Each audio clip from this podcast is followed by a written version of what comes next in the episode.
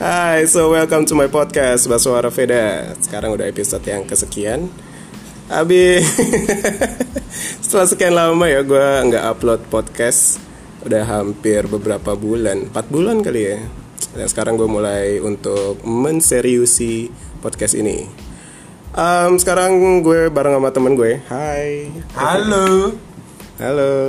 Lo juga. Lo diajak lo di sini. Lo diajak. Udah lo halo halo aja. Ya, halo halo. Job desk lo ini bukan buat ketawa doang. Oke. Lo harus ngomong. Gue tetap jadi penonton bayaran gitu. Ya sebenarnya nggak dibayar juga. Biar rame ya. Oke, di sini udah ada Iman. Halo bro, guys, semuanya pendengar Baswara Veda. Dan juga ada Emang lo ada pendengar setianya? nggak tahu. Mudah-mudahan ada sih. Emang lo punya pendengar? Lo masuk Spotify aja belum? Jem-jem tes. Iya, ba- iya babi. Sini juga ada Iksan. Kita akan hap. kita akan ngobrolin beberapa hal di sini. So, Apa tuh? jangan di skip ya.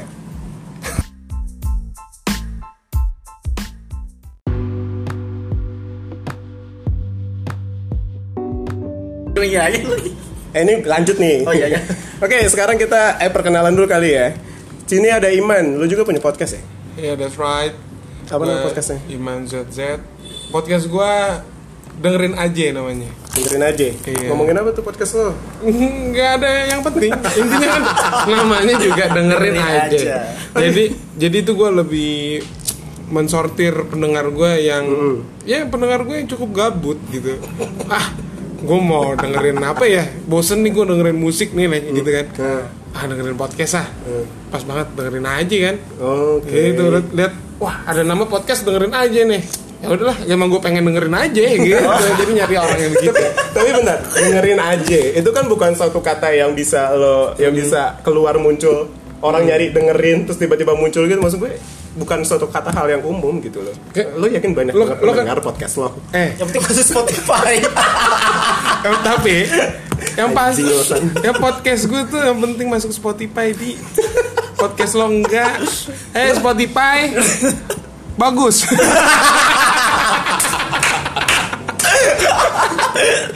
Kurang ajar. Yang penting gue udah ada di Apple Podcast. Lo udah di Apple Podcast belum? gue belum Belum, kan? belum Emang emang sih. emang podcast lo khusus itu emang kalangan orang kaya aja Jadi kalau misalkan nyari gitu, "Oh, ini buat orang kaya nih. kalau yang orang miskin denger kayak berarti maksud lo banyak. maksud lo pengguna Android itu orang miskin Oh jelas. Padahal ini gue rekamnya pakai Android. Aduh. Oke. Itu penjelasan singkat soal uh, apa podcastnya ZZ Iman. lo gak punya san Lu punya- nggak punya punya podcast ya? lo Punya. Lo punya tapi lo punya itu kan punya kerjaan yang bagus apa kayak bisa dipamerin gitu? lo punya tim dance Iya, gue yang bisa gue pamerin hanya kehidupan gue yang sempurna aja. Kalau orang yang podcast tuh semata-mata langsung membanggakan diri sendiri ya. Padahal di balik itu kayak terseduh-seduh gitu. ya orang nggak perlu tahu gue belakangnya kayak apa. Oh, Oke oke. Sekarang kita mau ngomongin apa nih ya? Eh, penjelasan singkatnya tadi sih kita udah di podcast eh, Jejet kita udah record kita ngomongin banyak hal sampai mau dibikin dua part biar orang-orang nyelesain sampai habis. Gue khawatir. Karena khawatir ya? Gue khawatir orang nggak dengerin. Malu tapi kan lu udah di Spotify bro. Gue belum. Lu nggak perlu khawatir sebenarnya. Sekarang di, di Spotify itu orangnya omor obrolannya yang jelas gitu. Oh gitu. Sedangkan gue juga rada nyesel sih punya tema podcast yang kayak gini. Putar balik kadang jauh. Mau mau mau ya mau mau ngerubah tema udah terlanjur begini. Cek ombak dulu sih cek ombak dulu pasti tapi ya rata-rata sih nemenin eh, yang dengerin tuh temen gue aja paling pertama yang dengerin lo paling nyokap lo kali Bukan nyokap gue nggak nyokap lo enggak bokap lo enggak nggak? Ada yang tahu gue main gini-ginian. Ah, padahal keluarga tuh media promosi paling pertama loh. Yang paling gampang enggak karena udah ng- ngomong jorok Erdi. Gue nggak mau ma- ngomongnya jorok. Langsung ada ya? ngomongnya. Gitu adek ngomongnya kontol kontol gitu. Eh lo nggak apa-apa podcast lo ngomong. Nggak tahu Gak ada di Spotify ini. Biarin aja lah. Aduh. Jadi kita sekarang mau ngomongin em, depresi sebenarnya. Kita semua pernah merasakan momen depresi. Mungkin nggak kita sadarin aja kali ya. betul betul Benar nggak sih? karena banyakan orang tuh nggak sadar kalau dirinya De- depresi dirinya depresi. Dan yang menurut gue di antara kita bertiga yang paling tidak sadar bahwa dia sedang mengalami depresi adalah Iksan. San Nggak bentar dulu, ini kenapa tiba-tiba lu ngangkat depresi? nggak tahu. Aduh. Kenapa tiba-tiba lu kepikiran untuk mengangkat? Dia asal bunyi aja. Nggak ada yang dengerin ini. Jadi gini gue merelate uh, obrolan apa ya kakak since uh, you asked me to make a podcast together jadi kayak eh gila selatan banget gue ya. Cibinong Selatan? Cibinong aja ada selatan utara barat daya yang bisa relate ke, ke kita semua karena kita semua di sini adalah uh, apa teman dekat sahabatan kita dari SMA ya SMP SMP ya bahkan SMP belum ini banget. SMP kan lu masih benci sama RD. Iya. SMP kan lo berdua doang Iya. hitungannya kita SMA dong Oh, iya, SMA iya. kita. Iya dari SMA kita udah tahu perjalanan eh, hidup masing-masing. Kita juga sharing ceritanya juga udah banyak banget dan Wow. gue pikir yang relate sama kita bertiga yang bisa didengerin banyak orang adalah tentang depresi Iya sih. bener bener bener Bener kan? dibuat biar juga pendengar yang denger nih jadi bisa get to know yourself gitu Exactly, Iya kan? betul. Lo bisa biar lo bisa Lebih aware. sadar gitu, lebih Oh, aware dengan hal-hal yang kayak gitu. Ini kita ngomongin soal depresi ya. Kenapa gue biasa langsung nunjuk ke Iksan? Karena sebenarnya dia tuh tidak sadar bahwa dia sedang ada dalam fase itu yang gue rasain ya, gitu. Cuman dia terlalu positif aja gitu orangnya. terlalu positif atau terlalu bodoh amat dengan hidup ini gitu. Ketika ditanya, terus lo kalau misalkan kayak itu gimana? Ya udahlah. Ya udah. Jawabannya cuma ya udah. dan, dan kebetulan emang Iksan di antara kita yang paling alim jadi dia Betul. tuh dia lebih habis apa tuh lebih ke sholat lebih ke- jadi kagak sadar kalau dia tuh sedang merasa ada dalam fase jadi itu. lebih berserah diri ke Allah Ya, subhanallah. kan, kan itu kalau lo ya dia dia kalau kita gua- sahabatan kan kita nggak tahu ya? Enggak, gua kan gak alim alim banget Pendengar langsung langsung ragu. Kan kepersahabatan kita. Baru ketemu tadi ya jangan-jangan. Enggak kan di antara kita. Iksan yang paling alim. Iya betul gue setuju. Gitu. Jadi kan mungkin ketutup rasa rasa ngebuat mikirin dia depresi itu karena Hmm. dia aku udah berat menga- apa, mengadu kok Allah gitu. Iya, jadi. Subhanallah. Nggak nggak merasa depresi jadinya dia. Jadi tapi kalau kita perhatiin sebagai teman Ah, gitu. ini anak kasihan gitu wow podcast ini diajang untuk me, ini ya. Bentar, ini di luar role gue. Gue gue kan sebagai penonton bayaran. Enggak. Ya cuma ketawa-tawa doang. Tiba-tiba gue yang diangkat. nggak ada kan juga kita cerita masing-masing kan Iya tenang aja. Oke, makanya tadi gue bilang kita mulai dulu dari Iksan karena lo yang paling gue lihat lo sendiri tidak merasakan bahwa lo ada di fase itu. Sekarang setelah gue dan Janet ngomong kayak gitu, apakah lo tetap merasa bahwa lo tidak ada di fase itu? Belum pernah ada di fase itu.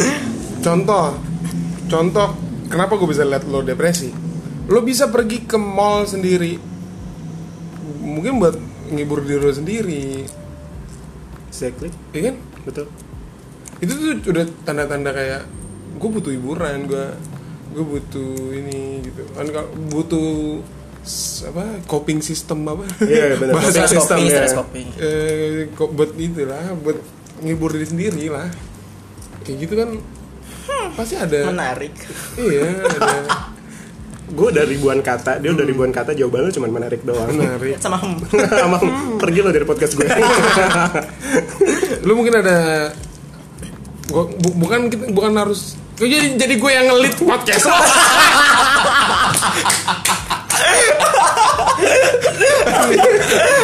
Dia cuma prolog doang. Intro doang dia. gue intro doang. Kan gue kita mengalir aja gitu. ini ini bukan harus ceritain kenapa depresinya Enggak, enggak, Enggak, harus, enggak, enggak. Cuma kan tadi pertanyaan gue adalah setelah kita nge-stage, setelah gue bilang bahwa lo tidak menyadari dan dia Iman juga setuju. Sekarang yang lo rasain adalah apakah lo tetap dengan eh, merasa lo tidak depresi atau gimana San? Gila ini serius banget. Ini serius banget. Bukannya tidak merasa depresi sih. Ya tadi kayak tadi kayak lo udah bilang, ujung-ujungnya ya udah lah gitu. Karena gue bukannya bukannya tidak mencari jalan keluar, tapi belum ada aja yang tepat jalan keluarnya menurut gue belum ada yang tepat jalan keluarnya. Hmm baik. Jadi daripada kayak nambahin stres mesti gimana mesti gimana ya udah jalanin aja nikmatin aja gitu jadi ya udahlah itu adalah jawabannya Iya. adalah kunci gitu ya. Kunci kesuksesan hidup aku. Ya udahlah. Ya udahlah is the key. Ini dia chill banget sih emang hidupnya. Iya iya. Nggak, jadi kayak ada kontradiktif gitu gak sih? Tadi di awal gue yang paling depresi tiba-tiba gue yang paling chill gue yang paling chill. Langsung langsung pendengar ngerasa ini nggak nggak capable nih ngomong nggak bener nih makin ragu akan persahabatan kita juga. Makin ragu juga nih pendengar gue. Tapi ya nggak apa-apa nggak apa-apa. It's okay. Ini momennya Iksan momennya Iksan. Nanti kita bagi part lagi ya. Ini nggak gue edit ya sama sekali Iya, nggak gue edit. Bener langsung gue berarti ada berapa ribu part nih? ada ribuan part goblok. Nah berarti emang lo lebih ke ya udahlah. Hmm. tapi lo merasa nggak? Enggak tetap ya di, di beberapa momen ya ada ada gejala ada gejala gejalanya tuh kalau Oh, ada, depresi ada. tuh Ada. tiba-tiba pusing ada oh kalau kalau psikosomatis mah udah udah hal yang biasa itu. Udah makanan sehari-hari tiba-tiba pusing tiba-tiba migrain tiba-tiba demam Iya. tiba-tiba muntah tiba-tiba mual semua serba tiba-tiba gitu kan. Iya. kok jadi emosi gitu oh iya maaf ya. Jadi semangat tuh jadi semangat. berarti emang, Ke-trigger. emang dia terasa. Langsung ke trigger. Iya, langsung ke trigger ya sih. Itu- itu, itu, itu hal yang biasa Buat- cuma gue ngelawan itu sih. buat edukasi juga nih buat si pendengar juga kan. Apa nih berasa oh tiba-tiba pusing terus muntah Iya kayak Hmm. biasa kan kalau kalau lu kayak stres stres berkepanjangan kan jatuhnya jadi depresi kan. Nah itu tuh biasa tuh kayak hal-hal psikosomatis tuh yang jadi penyakit muncul yang sebenarnya nggak ada apa-apa kayak kalian makan teratur terus udah gitu apa eh, Tidur pun tidur teratur, pun teratur istirahatnya. istirahatnya oke gitu. Terus tiba-tiba kayak ada sakit yang sakit kepala lah migrain lah atau kayak perutnya sakit asam lambung segala macam. Nah itu biasanya dari mulanya tuh dari si stres depresi itu jadi kalau itu itu udah hal yang biasa lah buat dan itu gue lawan sih biasanya for your information pendengarnya Baswara Veda nih Iksan. Iksannya. Iksan ini Iksan ini tuh lulusan psikologi jadi tahu tuh istilah-istilah Betul. tapi dia depresi ironis ya Iya, saja ironi. Tapi sebenarnya ke keironisan itu berlaku juga. Jadi gue waktu itu pernah bekerja di sebuah startup namanya eh, ya itulah ya bagi kata. Jadi memang eh, itu adalah sebuah platform untuk orang-orang bercerita sebenarnya berbagi kata, Oke. berbagi cerita. Banyak banget orang-orang yang merasa bahwa mereka itu depresi. Gua nggak tahu mereka itu self self apa eh, yang mereka nyebut diri mereka sendiri tanpa ada tindakan dari dokter gitu Hmm. maksudnya nggak tahu kita nggak kita nggak ngebahas ke sana cuman mereka cerita mereka depresi segala macam. Orang-orang yang menghandle itu semua hampir 80% juga pernah mengalami depresi. Jadi iro- keironisan itu menurut gue normal. Berarti iya benar. cuman maksudnya jangan sampai gini sih. Kadang orang kayak stres dikit aduh gue depresi ini enggak Iya, enggak gitu kesel, juga itu- gitu. itu kadang juga kadang orang udah langsung ngejudge diri sendiri yang segala macam gitu. Enggak enggak se enggak sesimpel itu sih langsung ngejudge depresi atau segala macam Hmm. gitu Iya. kalau gue sampai ada titik di mana gue udah kayak nggak ngerasain apa apa lagi senang kagak ada sedih kagak aja ada gitu. gitu Dirasa aja gitu. Aku mati rasa aja growling growling ceritanya biar ada ini biar ada kesannya berarti emang emang depresi tuh bisa ke siapa aja ya betul bisa Siapa bisa aja? aja. Eh, emang manusiawi sih manusiawi betul dan bisa menyerang siapa aja. Kalau misalkan kita ngomongin menyerang siapa aja, sekarang kita pindah ke lo. Lo pernah lo pernah ada di fase itu gak sih? Ada ada gua depresi di mana oh, parah sih maksudnya depresinya itu karena di di momen di satu momen itu banyak banget masalah yang nyerangnya tuh ke psikis gua Secara berbarengan, Berbarengan. dalam satu waktu yang dekat gitu ya. iya suatu yang dekat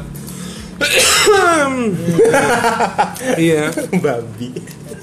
Astagfirullah. sampai ya gue pernah eh, gue pernah cerita sih kalau yang gue pernah di satu titik kayak kayak nggak soalnya di, di momen itu gue kayak kayak nggak punya arahan gitu Hmm.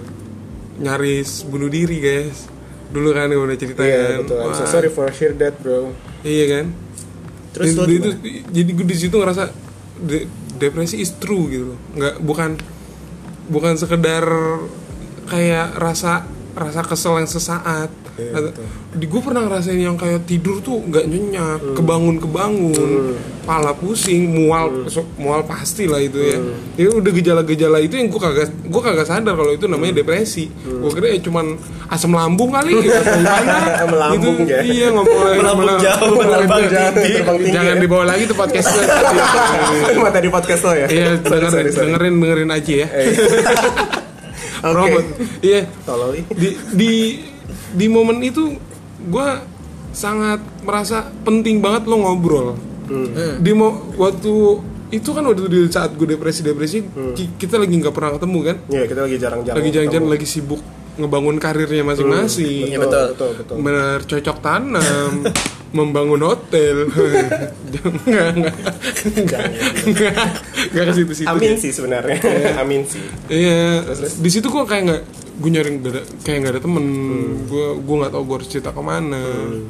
Tapi untungnya di situ gue bisa ngendaliin sih. Mm-mm. Kalau nggak gue udah nggak di sini kan di. Iya betul. Iya. Mungkin lo sudah. Lebih ke sange. lebih ke horny lo ya. Oh, iya. iya.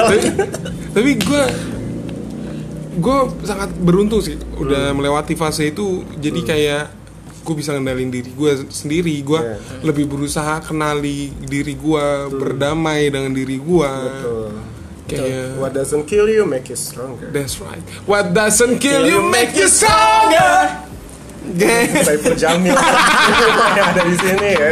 Wow, bangga loh gue. iya iya Terus ada juga, sebenarnya gue kemarin sempat ada baca berita juga eh, pelawak yang sempat kena tangkap sama BNN Nunung waktu itu. Heeh. Iya. Eh, jadi di berita itu Nunung eh, merasa dia depresi dan Dia- hakim waktu itu bilang bahwa depresi kok bisa orang kerjanya cengenges-cengenges mulu tiap hari gitu. Nah. Itu sekelas hakim punya punya pemikiran yang seperti itu. Itu cukup Sependek itu ya? banget sih. Sependek itu ya? Sependek itu dan for your information juga nih untuk pendengar gue. Cing. tai banget. bahwa orang yang depresi itu tidak bisa dilihat dari kondisi dia bagaimana uh, pada saat itu atau hari-harinya gitu kan. Kita lihat Hmm. bisa nih, dia ini adalah orang yang uh, penonton bayaran banget kalau misalkan kalau ngumpul-ngumpul kalau misalkan ngumpul-ngumpul tuh dia udah job desk dia udah cuman ketawa aja udah gitu loh. Dan JJ pun dengan segala celotehannya, dengan segala jokesnya, segala macam pasti orang nggak akan kira kalau misalkan kalian berdua tuh pernah ada di fase itu gitu loh ya nggak sih. Dan ada orang yang punya pangkat, yang punya pendidikan bagus, bilang bahwa orang tiap harinya cengenges-cengenges kok kok bisa depresi gitu. Itu tolol banget sih kalau menurut gue. Kayak edukasi ini tuh kurang banget. Ini merepresentasikan bahwa sedikitnya kepedulian orang Indonesia terhadap penyakit yang sebenarnya ini tuh ada dan nyata Heeh. di Iya, kehidupan kita sehari-hari. dan dan gue baru gue denger podcastnya Raditya Dika waktu itu sama Vidi Aldiano kan Mm-mm. Eh, dia juga pernah ya? Vi- Vidi kena depresi sih dia dia karena orangnya kan suka panik gitu Hmm, panic attack. panic attack sendiri gitu itu itu cenderung ke depresi ternyata. Jadi terlalu aware sama sosmed dia tuh terlalu, terlalu memi- memikirkan apa ya kata orang Orang. tentang gua gitu. Dia jadi membuat uh, damage inside gitu loh. Di dalamnya tuh kepikiran. Dan akhirnya di suatu ketika dia mau live dia cerita nih ke Raditya Dika. Hmm. badan dia nggak bisa digerakin sama sekali. Literally diem Oh ya? Jadi dia langsung jatuh di toilet. Hmm. di saat dia mau perform, Perform. Live. mau mau live di off air katanya. Oke. tiba-tiba di badan dia nggak bisa digerakin diem. Dibawa ke rumah sakit nggak jadi nggak jadi perform dia. Di situ baru dan kata dokter nggak apa-apa semuanya sehat. Iya. Cuma- dan terus secara klinis emang nggak kelihatan orang. Iya. apa?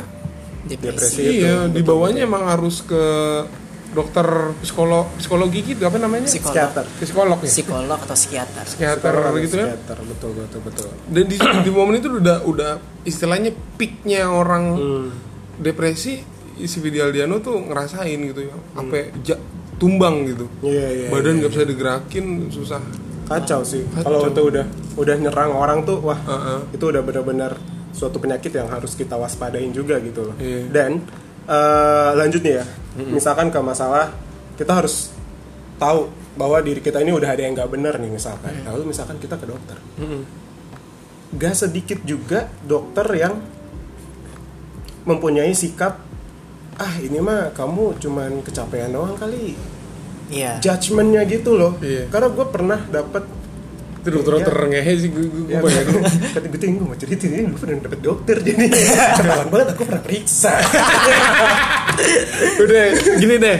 Sebenarnya lu mau ceritakan tentang depresi. Ya udah tapi umpan nih kita dulu. tahu lo lo jadi jadi bantalan. Udah lo cerita. Lo sekarang gue jadi moderator deh. Biar lu berasa jadi bintang tamu kan. Iya, iya, iya, iya. RD Baswara Veda. Iya eh, bersuara faedah. Itu enak nih enak ya.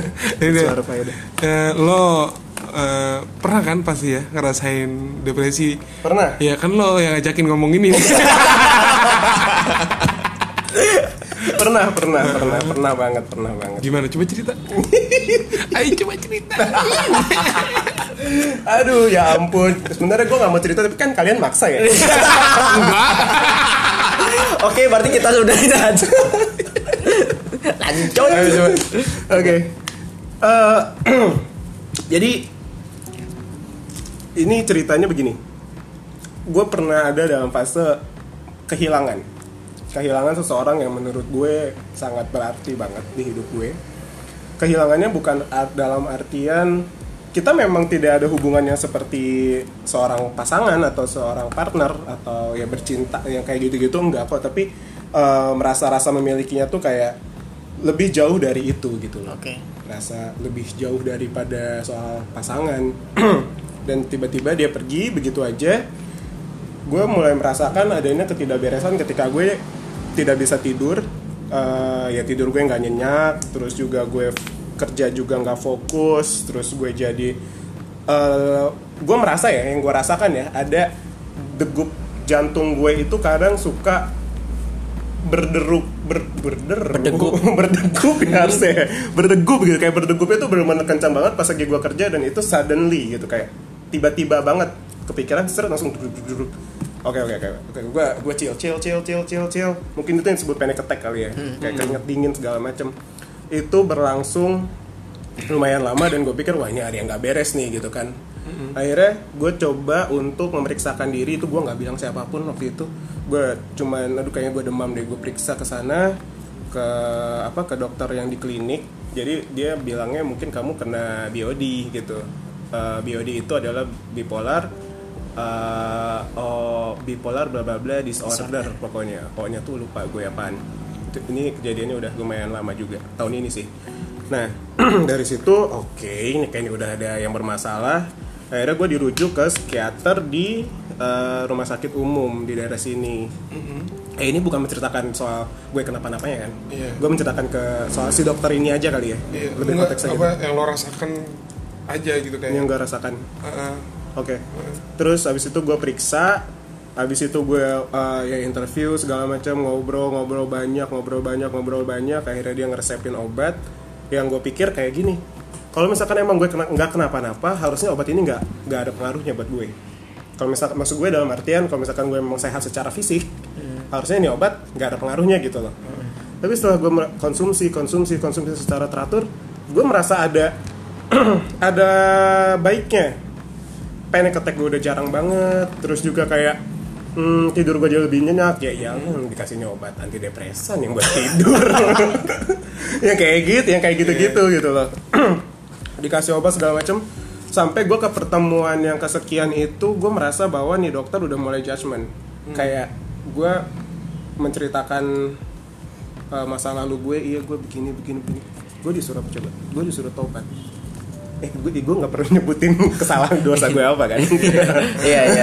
nggak perlu perlu, kan nggak perlu diserahin situ ya kan Lu disuruh tobat. gue disuruh tobat dan gue suruh mendekatkan diri kepada Tuhan yang Maha Esa semenjak saya tahu menyadari bahwa yang bisa nolong gue ya obat gitu loh Eh. pada saat itu begitulah jadi ceritanya masuk gak sih Akhirnya lu berhenti minum obat itu. Yes, akhirnya gue berhenti Setelah sekian itu. lama. Setelah sekian lama gue berhenti karena gue nggak mau ada ketergantungan apa Iya merasa udah dan sekarang lu pun merasa udah lebih mending kan? Sudah sudah jauh merasa lebih baik gue bisa menerima eh, apa bisa menerima ini gue bisa menerima masa lalu gue gue bisa menerima bahwa dia meninggalkan gue bisa menerima bahwa ekspektasi itu tidak selalu harus sesuai dengan kenyataan yang ada.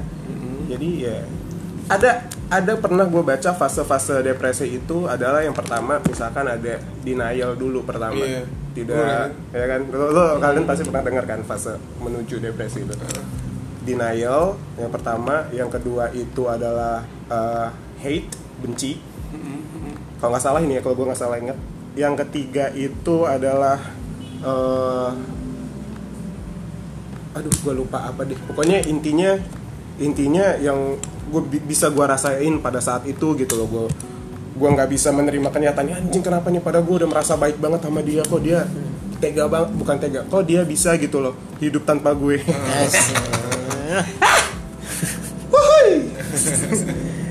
ya pokoknya yang kayak gitu-gitu sih Eh, kalau kalau yang pas kalau pas gue mah gue ngerasain gini di hmm. Eh, san di sana eh, sana diajak ngobrol juga Meskipun aku nggak punya podcast biar diajak ngobrol juga.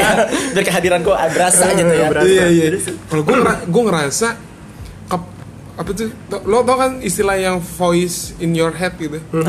Suara-suara di kepala itu real banget.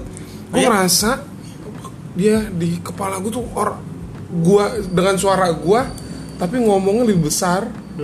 Oh itu suara lu sendiri tapi lu iya di kepala gue tuh lebih berisik gitu kalau gue sampai di- sampai di titik itu kayak buat ngatur gue kayak kayaknya gue harus gini deh kayaknya gue harus gini tapi nggak usah lah tapi nggak usah deh. Gue ngomongnya secepat itu kayak apa gue ini aja ya? Apa gue ini aja gitu gue ngerasa di Gue pikir, kepala gue pikir di sinetron-sinetron doang gitu. Iya, kayak ada dabi, ada voice overnya gitu kan. Ternyata gue real banget, gue ngerasa di kepala gue tuh dan itu sangat terasa di saat gue sendiri, di saat gue lagi naik motor misalnya itu di kepala gue tuh kayak wah gitu beda loh ngomong dalam hati sama di kepala, Di kepala rasanya beda. beda, tuh kalau ngomong di dalam hati itu lebih lebih ngomong yang baik-baik deh menurut gue Ah, iya, kalau udah iya, iya. udah pindahnya ke kepala tuh di jahat-jahat menurut gue Iya. Gue gue mau nanya sama lu. Gua- Heeh.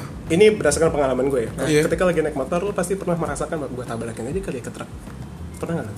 Enggak, gue kalau eh, kalau gue nggak yang gue tabrak kayak lebih ke hal yang nggak penting. Gue kalau yang kalau lagi di motor tuh kayak anjir nih orang nih gayanya gini banget nih, ini, ini, ini," gitu kan. Di kepala gue kayak gue tabrak ini orangnya gitu. Gue kesel banget. Minta melampiaskan Melampiaskan, objek iya gitu kayak Lebih ke setan itu ya. iya. Sama di saat gue lagi sendiri di kamar gue tuh kalau lagi main hp gue tuh kepa kepala gue ke mana berisiknya tapi hp gue juga ke mana gitu. Jadi lu, lu gu- kayak nonton YouTube tapi nggak lo cermati gitu misalnya gitu. Kayak wah gila nih udah nggak bener. Gak fokus. Ti- Jauh tidak lebih fokus. tapi gue ngerasanya gue obat gue sih ke dia diri sendiri. Misalnya kayak lo terima Iya, semuanya betul. udah i- pergi gitu. Terus yang dan lo percaya waktu bisa mengobati Anjay iya gak sih Waktu bisa mengobati. Iya iya gue setuju. apa kan di bold underline Ambien. bold underline Underline Ambenya Kok tiba-tiba bahas ke depresi ke ambien. bukan ke wasir dong wasir. Desta sering buat wasir ya. Lu nonton gak sih? Tonight show. Bawa bantal ke mana-mana. Gue gue gue dapet ini di. Gue dap gue nonton satu video tuh bagus banget tuh pengistilahannya. Jadi eh ini- ceritanya guru sama lagi ngomongin ke murid kalau nggak salah tuh. Si guru megang gelas isinya air. Ngomong gini ini kalau gelas bapak pegang 5 menit menurut kalian gimana? Eh, pegel.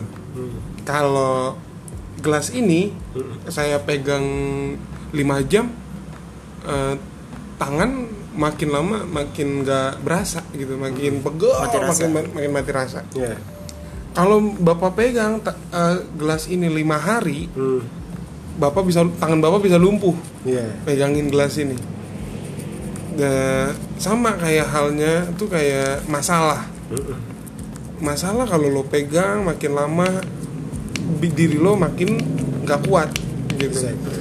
Terus kata si gurunya jangan lupa lo letakin tuh gelas, lo taro, lo tinggalin aja udah.